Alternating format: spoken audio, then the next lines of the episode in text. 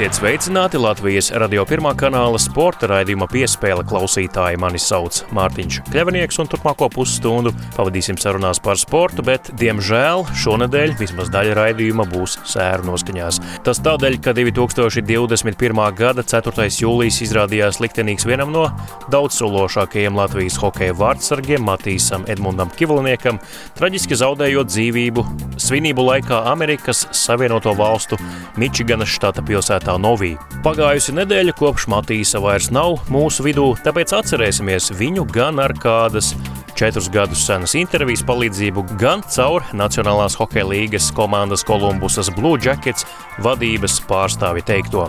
Vēl šajā raidījumā uzklausīsim arī vairākus Tokijas Olimpisko spēļu dalībniekus, kas iekļauti Latvijas delegācijā, bet tas viss jau pēc pavisam īsa brīža.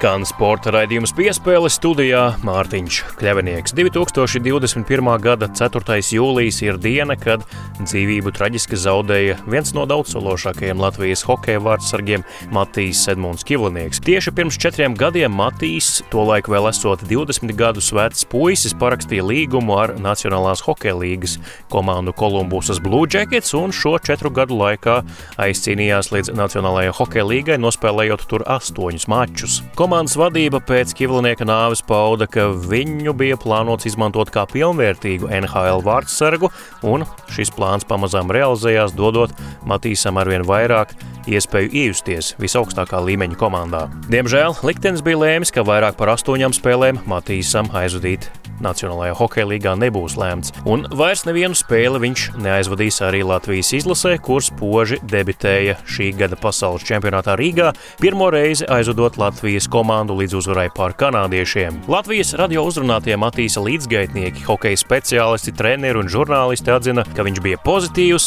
ļoti darbspējīgs un daudzsološs jaunais censonis hokejā. Visu iespēto panācis ar smagu darbu un bez papildus palīdzības no malas. Pirmo satikšanos ar Kivlinieku, jeb kā viņu komandā mīļi dēvēja Kivī, atcerējās arī Kolumbusas Blue Jackets kluba hokeja operāciju vadītājs Džons Davidsons. Long time ago, about four years ago, we got a plane, Yarmo, myself, Bill Zito, and Ian Clark, who was our goalie coach at the time. We flew to Sioux City. Pirms ilga laika, četriem gadiem, es, komandas ģenerālmenedžeris Jarmo Kekelainens, Bils Zito un toreizējais vārdsargu treneris Jans Klārks sēdāmies lidmašīnā un lidojām uz Sūsitiju. Tur satikām aģentu Džeju Grossmanu un Kivī. Kivī acis restorānā visu laiku bija ieplestas. Viņš bija jauns puisis, patiesībā puika, kuram bija sapnis kļūt par lielās līgas vārdsargu. Mēs gribējām, lai viņš ir daļa no Kolumbusas Blue Jackets organizācijas. Vēlmi un deksmi varēja redzēt viņa sejā, saklausīt klausīt viņa balsī. Viņam bija sapnis, un viņš to izdzīvoja. Šķiet, ka pēdējo reizi Matīsu redzēju, kad viņš sargāja vārtus pret New York Rangers slavenajā Madison Square Garden. Es tad strādāju Rangers komandā, viņš bija satriecošs, bet Kolumbus uzvarēja ar 2-1. Mēs zaudējām, bet biju priecīgs par to puiku. They won that one 2 1. We lost, but I felt good for that kid. Latvijas radio sporta raidījumā piespēle Matīs Edmunda Kivalnieka balss pirmo reizi izskanēja 2017. gada jūlija vidū, dažus mēnešus pēc tam, kad viņš bija parakstījis līgumu ar Kolumbusas organizāciju. Šī intervija, diemžēl, palikusi arī vienīgā garā saruna ar Matīs Edmundu Kivalnieku Latvijas radio arhīvos. Klausāmies! Sporta raidījums piespēle vasaras vidū, jūlijā, bet jārunā par uh, hokeju. Šīs dienas mūsu raidījuma viesis ir arī hokeists, vārdsargs. Um, tas ir Matīs Edmunds Kivilnieks. Sveiks, Matīs! Sveiki! Kā tev labāk patīk, ka tev sauc Matīs Edmunds, Matīs Edmunds? Pārsvarā viss man savukārt matīs. Pie tā arī pieturēsimies. Klau, acīm redzot, tavu vārdu un uzvārdu tieši šajā sezonā daudzi uzzināja tie, kur te varbūt līdz šim pastiprināti nesakoja līdzi, jo, nu, lieliska sezona te OSHL, Amerikas Savienoto Valstu labākajā junior hokeja līgā. Cik balstu īsti saņēma? Deivas teikt. Kā vērtīgākais spēlētājs un kā labākais vārdsargs? Jā, daudz jau bija atkarīgs no komandas. Labi spēlēja aizsardzībā. Jā, komandas biedri. aizsargi, piemēram, bloķēja metienus, vai ne? Uh, uzbrucēji met gols iekšā, un, un, un, un es mēģināju darīt savu darbu, tāpēc arī sezona sanāca tik labi beigās. Matīs šajā sezonā bija mm, muskatieris. Viņš spēlēja komandā ar tieši šādu nosaukumu un um, līgas finālā.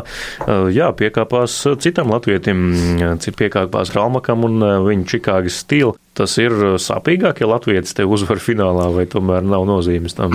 Es nedomāju. Prieks, ka vismaz kāds no latviešiem uzvarēja beig beigās. Pēc spēles jau visi ir tomēr draugi, nevis konkurenti. Jā, nu, pēc spēles uzreiz nesnāca sarunāties, bija baigā balvošana viņam, bet pāris dienas vēlāk mēs, protams, sarakstījāmies.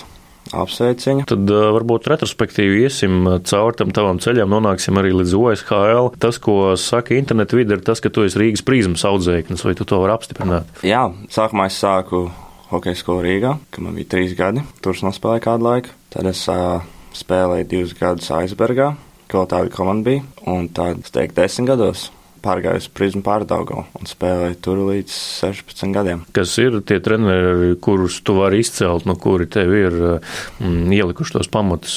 Vai tas ir Eriks Miljons vai kāds cits? Es teiktu, ka Guns Bāliņš spēļņi bija pārsvarā visus gadus, un, un, un, un es teiktu, ka nu, viņš man palīdzēs arī ir, uh, sasniegt beidzot to mērķi. Bērnībā jau bija mērķis Nacionālā hokeja līga. Jā, un tas jau kā katram spēlētājiem ir. Spēlēt NHL, bet nu, likās tik tālu un baigi ātri viss mainījās. Vārdsargs, nu, tā ir pozīcija vismaz bērnībā, no kur ieliek, nevis kur pats izvēlās. Vismaz vairumā gadījumu, protams, ir individuāli gadījumi, kur mazais censons pats saka, es būšu vārdsargs. Kā bija tavā gadījumā? Tu pats gribēji vārtos, tev tur ielika un piespiedu kārtā. Ja pareizi atceros, es un mans brālis un krustāls braucām uz treniņu, un viņam piezvanīja un paprasīja, vai nu vai Matīs vēlētos vārtos iet, jums var vārdsēk nebija, vai nē. Pateicu, jā, kāpēc ne? Un koš tās reizes nesmu mainījis. Tad iepatikās jau no, no paša sākuma. Jā. Vārdsargi, nu par vārdsargiem saka, ka viņi tādi dīvaini, tādi individuāli atšķirīgi no pārējiem komandas spēlētājiem. Kā tev uztver komandā, kā, kā īpatni, vai tu pats jūties tā, vai tomēr nē? Es domāju, ka vārdsargi ir bijis, bijis šī savādāk nekā spēlētāji. Es nezinu, grūti spriest. Tur redz, varbūt kaut kādās niansēs kopā ar komandu, varbūt dzīvojot vai izbraukumos, nu, kad tu kaut ko dari citādāk, domā citādāk, atšķiries? Es domāju, varbūt nu, uz spēli tu koncentrējies vairāk nekā spēlētāji. Viņiem iesildīšanās pārunā katrs ar otru, pasmējās, bet vārdsargiem es domāju, nu kā kuram, bet, piemēram, man ir tā, ka nu, divas stundas pirms spēles tu nerunā īpaši ne ar vienu valstīm cilvēks valstīs un tikai koncentrējies uz tās niansīts, ka nu, vārdsargi bija šī savādāk. Kā ir ar um, došanos pāri okeānam uz Ziemeļameriku?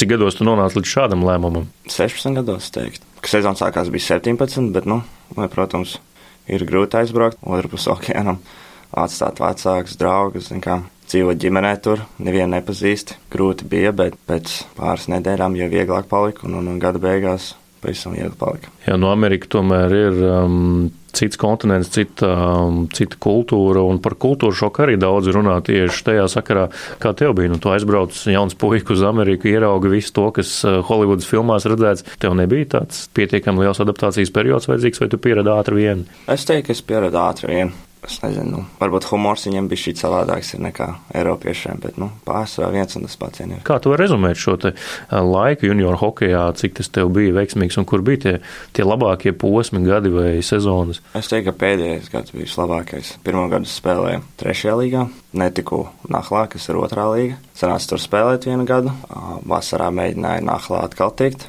nesanāca. Otro gadu nospēlēju tajā trešajā līgā, un uh, tad es tiku Nahlā pēc otrā gada. Un man galvenais bija dabūt stipendijas koledžā, un no turienes tālāk, ja pussez, otrā pusē sezonā, Nahlā man nu, sanāca noslēgt līgumu ar, ar koledžu, un tad uh, vasarā bija drafts, USHL drafts, tur man nodraftēja, un man palika pēdējais gads spēlēt junioros, un beigās arī profesionāls līgums parādījās gada beigās. Tā kā bija nu, grūti izlemt, uz kurien iet šī trešā um, Amerikas junior līga, ko tu jau pieminēji, tad NHL ir otrā un OSHL ir pirmā. Tur arī pašam ir kaut kādas finanses jāiegūda, lai tu tur spēlētu. Bija pašam jā, jāmaksā tie trešā līgā. Samērā dārgi bija. Nu, visi nevar īpaši atļauties. Tāpēc bija mērķis tikt otrajā līgā, kur nav jāmaksā. Un divus gadus nesanāca, bet beig beigās sanāca. Bet, kad tu sajūti pirmo interesi no skautiem, varbūt no Nacionālās hokeja līgas, uzzināja par to, nu, ka tevi vēro nopietnas acis un uh, viss varētu rezultēties tajā, kas tagad tev ir kabatā, proti, līgums ar Kolumbusu. Es teiktu, ka nu, otrā pusē sezonā spēlēju uz Hēlā, tad, kad sāk tā interese parādīties. Nu, no sākuma neticēju, nu, samērā vecs esmu, netiku draftā arī. Domāju, ka, nu, beidzies iet uz koledžu, pāris gadus paspēlēt, un tad tā interese varbūt parādītos, nekā pats bija šī šokā bija. kas tas ir? Tas ir viens zvans tavā vietā, vai nu, kas bija tas, kas uzsāka to visu procesu? Pēc spēles, teikt, ģērbtai treneris ienāca, pateica, ka, nu, kāds no NHL grib ar tevi parunāt. Izgāja ārā un tur arī stāvēs kāds no Kolumbus. Matīsam rokas sāk trīcēt, nesāk trīcēt. Nesā, nesāk trīcēt pārsvarā, jo ir, ir daudz, kas runā ar skautiem. Tāpat kā ar koledžu un beigās nekas nenotiek. Mm -hmm. Daudz vienkārši tikai grib tevi iepazīt un, un, un vienkārši pasaka, kas sekos tālāk. Bet um, izrādās, ka bija bijis nopietnāk. Tā parakstu likšanas diena, kā tu to atceries šobrīd, tad, kad bija tas darījums jānoslēdz? To es atcerēšos visu savu mūžu. Sezona beidzās. Nākamā dienā tieši sanāca parakstīt. Iegāja halē, bija treneris, komandas īpašnieks, mans līgums, un man atlika parakstīt, un tad interviju pasniegt. Kādas ir tavas attiecības ar, ar um, aģentu? Tev droši vien ir aģents, vai ne? Jā, es teiktu, samērā labs. Acīm redzot, viņš tiešām labu darbu ir padarījis. Ja tu esi tur tieši tagad, esi tur, kur tu esi. Jā. Sūdzēties nevar. Tas OSHL ir tiešām tāda liela, liela skatuve. Nu, var teikt, ka, protams, NHL tuvojas OSHL līmenim sportiski, bet acīm redzot, acis, lai tevi ieraudzītu un vērotu, nu, visvairāk ir pievērsts tieši OSHL. Jā uz Hāles teiktu vairāk. Tas, ka uh, tur ir jaunāki spēlētāji nekā Nahlā. Es teiktu, nu, 20 spēlētājiem no 23 komandā. Uh, visiem ir stipendijas koledža jau. Ļoti daudz spēlētāji tiek nodraftēti katru gadu. Nahlā arī ļoti labi. Un Nahlā arī tik, nu, attīstās katru gadu ar vien vairāk un vairāk. Klausītājiem var pastāstīt, ka mm, sarunu ar tevi mēs e, mēģinājām norganizēt jau, kad tu vēl biji Amerikas Savienotajās valstīs.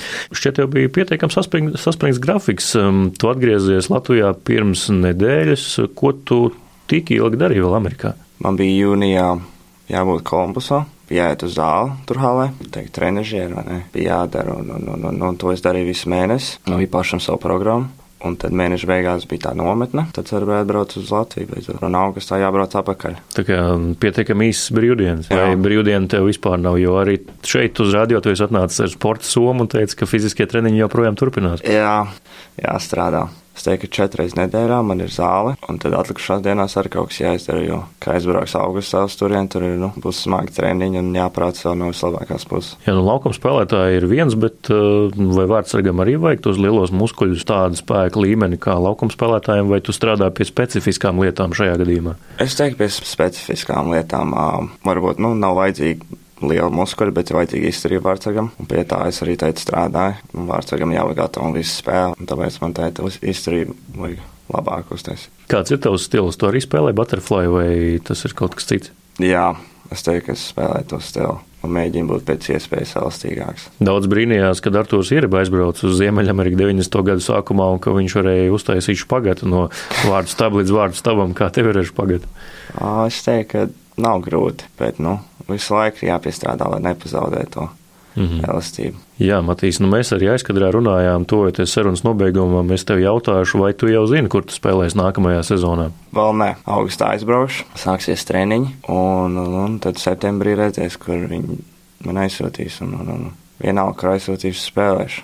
Bet varianti ir uh, vai nu, nu protams, Nacionālā hokeja līnija, Kolumbus, tad ir uh, Clevelands komanda Amerikas hokeja līgā, un arī ECHL, protams, ir Jā. Uh, vēl viena iespēja. Tad, laikam, trīs varianti tev tikai ir. Jā, vairāk nav. Nu, tad novēlam to augstāko pakāpienu Nacionālo hokeja līgu. Mums ir vajadzīgi vairāk spēlētāji tur. Nu, vislabākajā gadījumā arī vārdsargi, protams. Tā kā skatīsimies, kā tava karjera attīstīsies. Nu, teikšu paldies, ka šodien atnācis uz Latvijas radio un pastāstīja par savu pieredzi. Tad jau droši vien arī gaidām kādu dienu, kad debitēs ne tikai Nacionālajā hokeja līgā, bet arī Latvijas izlases kreklā. Ļoti nozīmīgs augusts tev ir priekšā. Novēlam izdošanos. Paldies, ka atnācis uz Latvijas radio. Paldies jums!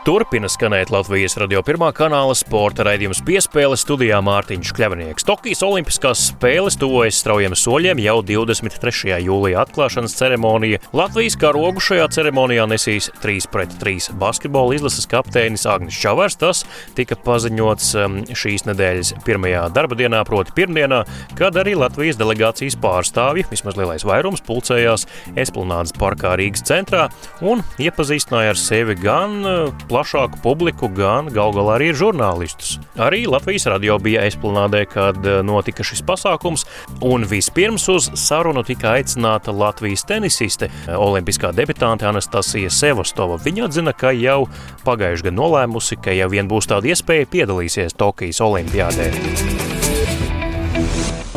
Nasti, kādas ir sajūtas īstenībā pirms Olimpiskās debijas? Interesants sajūtas. Es domāju, ka būs foršas Olimpiskās spēles ne parastās Olimpiskās spēles, bet eh, es gaidu. Man tagad ir kāda nedēļa pauze pēc Wimbledonas, un tad jau nedēļa sagatavošana, un tad mēs jau lidosim. Un, jā, būs grūti, jo tur ir karsts, tur ir diezgan viss ierobežots, bet jā, Olimpiskās spēles ir Olimpiskās spēles, un kas zina, varbūt tas būs manas pirmās un pēdējās. Jā.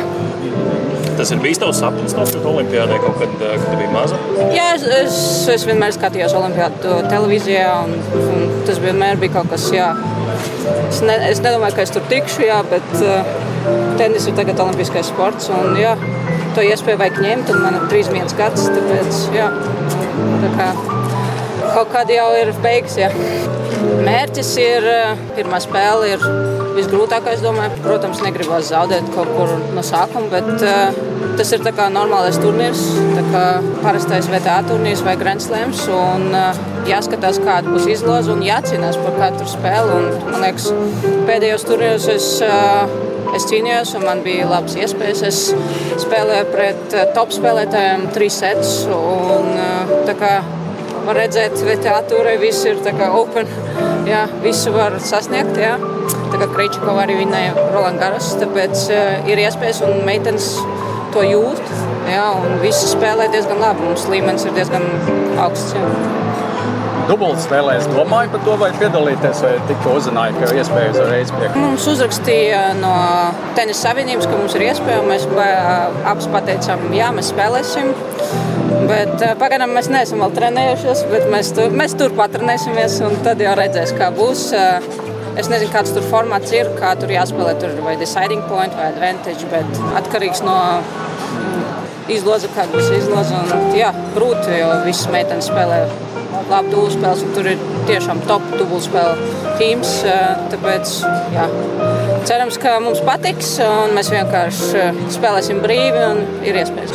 Es pavadīšu kādu nedēļu, varbūt vienu ar pusi te Latvijā, Liepājās būšu, mazliet atpūtīšos, jo bija diezgan daudz turnīru un diezgan daudz spēlē, un man arī problēmas ar kāju, bet kādu nedēļu atpūsties. Bet Pēc tam es domāju, varbūt lidot uz Austriju uz kādām pāris dienām, no turienes jau lidot uz Tokiju jo tur ir tāds eh, tiešais reizes no Vīnas. Un, jā, tad mums būs arī laiks tur kādas 3-4 dienas eh, sagatavoties, jau aklimatizēties. Atklāšanas parādē tu būsi Tokijā. Atkarīgs, eh, kāda man ir spēle. Ja man ir spēle desmitos nākamajā dienā, es nezinu, vai es būšu. Jā. Jo kā es dzirdēju, tā atklāšanas ceremonija ir 23. un mēs jau 24. sākam. Atkarīgs cik ilgi. Nē, nu, protams, gribētos, bet eh, es negribu arī stāvēt trīs stundas un kaut ko gaidīt tur jā, ar maskām. Jā. Tas ir arī grūti, man liekas. Un, jā, nebūs skatītāji, ja viss būs kā, arī jādomā par spēli nākamajā dienā. Jā, jo mēs spēlējam ārā, tur ir silts. Un, kaut kad arī jāiet gulēt. Tā kā es cīnījos pēdējās divas nedēļas, es nebiju pārāk fit, jo man sāpēja kāja, man sāpēja, man joprojām sāp Achilles, man joprojām ir tur, kā, kā tas saucas, inflammation. Jā, man vajag kāds, kādu nedēļu, lai tas viss nomierinātos, un tad, tad jau būšu gatavs hard. Jā. Daudz tomēr nu, ļoti izvērtē, vai vispār braukt uz olimpiādu, vai tomēr gatavoties turnīriem, kuros var iekrāt punktus. Kā tev bija šī dilemma un kā tu tomēr noslēdzies par labu Tokijai? Jā, man arī bija šī dilemma. Man liekas, tā ir normāla dilemma, jo mēs nedabūjām nekādus punktus tur Olimpiskajās spēlēs. Mēs zaudējām, man liekas, kāds trīs nedēļas bez turnīra. Trīs nedēļas ir trīs turnīri, kur tagad ir Eiropā vai Amerikā. Un tas arī nav viegli. Citi var spēlēt tos turnīrus, dabūt punktus, un mēs spēlējam kaut ko, bet mēs neko nedabūsim. Ja? Bet uh, es jau biju. Man liekas, pirms gada jau es zināju, ka es, es gribu braukt, tad es braukšu, to jāņem vērā. Un tad jau ir vienalga. Būs grūti pēc tam, jo pēc tam mums jāspēlē Amerikā, jālido uz Ameriku. Jā, tā kā kādu mēnesi būs ceļā kaut kur. Bet to visu visi ņem vērā. Tas ir vienreiz četros gados, un to mēs arī izdarīsim. Kādas tavas attiecības ar Āzijas virtuvi? Ar Āzijas, un nezinu, Tokijā man kaut kā nepatīk ēšana. Ķīnā jau vēl bija ok, bet uh, cerams, ka būs kaut kas arī normāls. jo, kad es pēdējo reizi biju Tokijā, es uh, ēdu Ikea.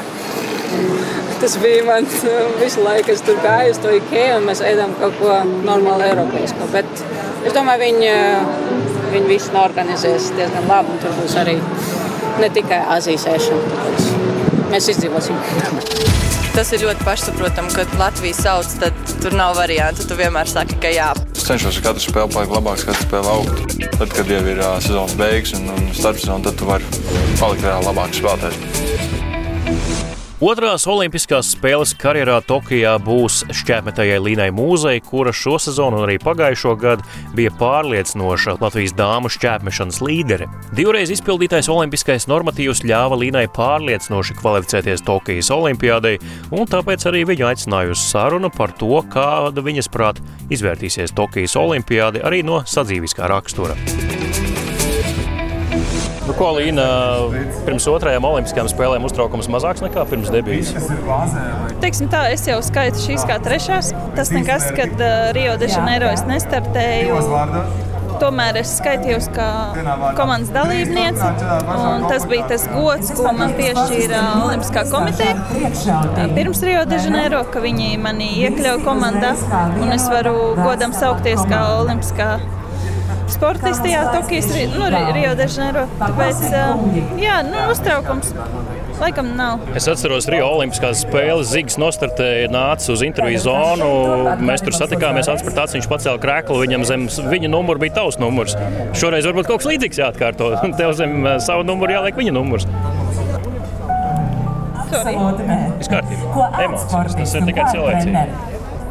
Mēs varbūt varam atsveicināt ar no, tādu jautājumu, kas ir ar vairāk, lielāku pamatu. Tu esi pārliecinošākā Latvijas šķērsmetēji, kuri kvalificējās Olimpijādē. Tas bija tāds labs plānveidīgs darbs, kurš rezultējās tajā, ka tev ir no, nu, šī biļete uz Tokiju. Uh, nu jā, ir sanāk, ka divas reizes izpildīja olimpisko normatīvu. Šķērsmešana vispār pats par sevi ir ļoti interesants veids. Tu vari mest desmit metrus tālāk, desmit metrus tuvāk. Tas vienās sacensībās ļoti tehnisks un tev ir jābūt gatavam uz daudzām lietām, kurām ir jāsakrīt tajā brīdī un jācenšas, lai viņas sakristu. Tāpēc es esmu ļoti priecīga būt. Uz doto mirkli labākā šķērsmetē es to gribētu arī turpināt, bet es noteikti gribētu mest tādās robežās, kas ir 62, 66 metri visu laiku sacensībās, un pagaidām tas nav izdevies, bet uh, man vēl ir daudz laiks.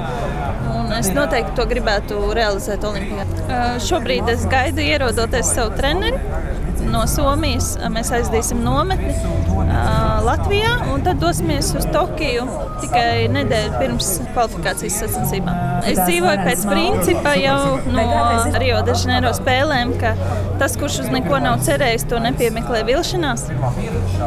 Tāpēc ar šādu domu es ceļos, ar šādu domu es eju gulēt un es izdarīšu maksimāli to, ko es varu. Bet solīt es nevaru neko. Redzēsim. Es ceru uz to pašu labāk. Karstums ir patīkams, kā jau mums eh, doktora Līga Cīro stāstīja, tad uh, eksplozīvajiem sporta veidiem tas pat nāk par labu. Jā, un runājot par to, jā, par Zigsmundu. Um, Jā, tas bija lielisks žests no viņa um, puses pēc sava starta Rio de Janeiro. Un, uh, man ir sāpīgi neredzēt viņu komandā. Es teiktu, ka ar savu milzīgo darbu, ko viņš ieguldīja, lai atgrieztos pēc divām pleca operācijām, viņš būtu viens no tiem, kas būtu pelnījis bet rezultāti runā par sevi. 85 metri šogad bija ļoti augsts normatīvs. Un, es paļaujos uz to, ka pēc, vēl pēc trim gadiem mēs būsim abi, un tad nevajadzēs piedzīvot šādu sāpīgu situāciju. Tāpēc, jā. Tāpat kā Londonā bijām abi divi, nostartējām. Jāskatās nākotnē. Nokļūšana Tokijā, kas jums sportistiem ir citādāk nekā varbūt bija Londonā, ir kaut kas vairāk, kaut kāda informācija par sevi jāsniedz vai nu, pastāstīt tās aizkulisēs, kā ir nokļūt sportistam Tokijā? Jā, nu, uz doto mirkli mums ir sniegtas.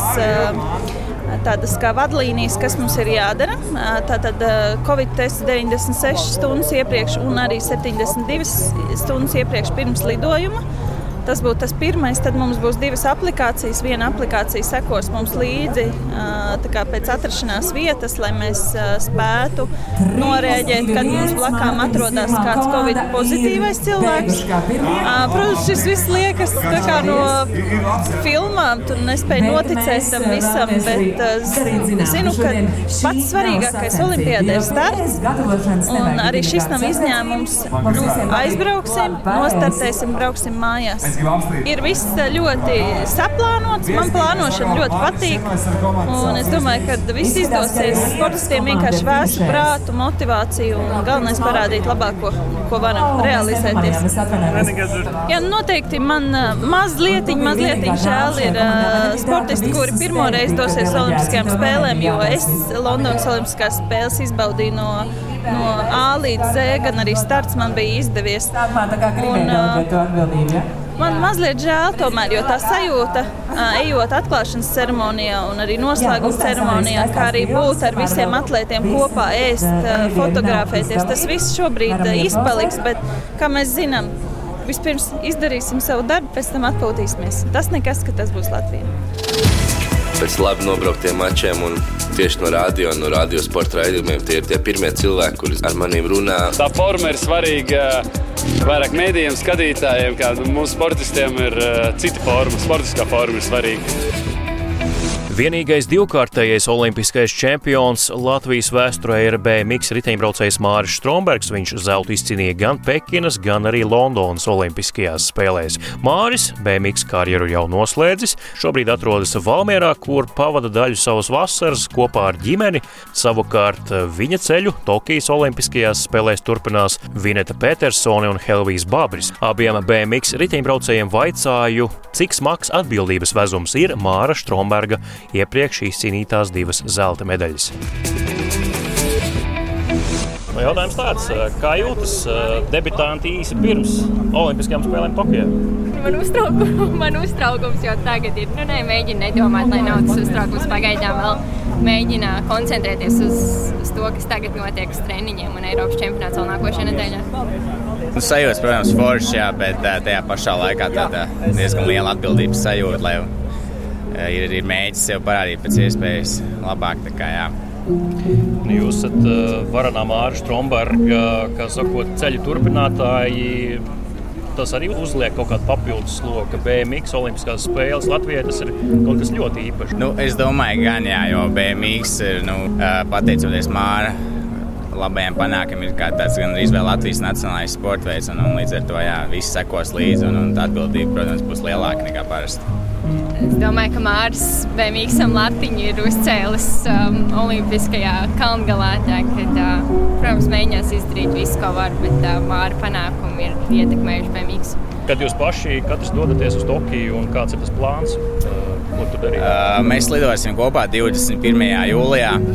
Un 22. esam tur, 23. ir atklāšana, tad jau 24. mums sākās treniņi. Cik ir zināms šobrīd par to, kas jums ir, no jums ir nepieciešams tur ikdienā? Es saprotu, ir telefona lietotnes, kurās jāziņo gan par atrašanās vietu, gan par veselību. Cik tas jums šobrīd ir pastāstīts un kā tur būs uz vietas? Ar to mēs šodien smalki iepazināmies, detalizēti un cerams, ar to visu tiksim galā. Un, un es ceru, ka viss būs kārtībā. Jā liekas tas pārāk drastiski vai tomēr atbilstoši situācijai? Jā, šobrīd tieši tās Covid visas lietas diezgan daudz, kas ir jānolādē, jāizdara, bet uh, vismaz tiek uh, ievērot visādi drošības pasākumi.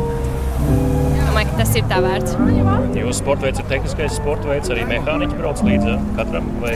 Būs mums jā, Latvijas labākais mehāniķis Gunārs Ozs, būs līdzi tā kā jā, par Ričikiem. Viņš parūpēsies, lai viss būtu labākajā kārtībā. Jā. Viņš ir aizvedis līdz Olimpiskajam zeltam arī dažu labu velosipēdu, tā kā viņam pieredze milzīga. Labi, paldies jums, un tad lai veicas Tokijā. Paldies! Līdz ar to arī izskan šīs nedēļas sporta raidījums piespēle. To veidoju un vadīju es Mārtiņš Kļavinieks par labskaņu, kā vienmēr parūpējās Nora Mītspapa uz sadzirdēšanos jau pēc nedēļas.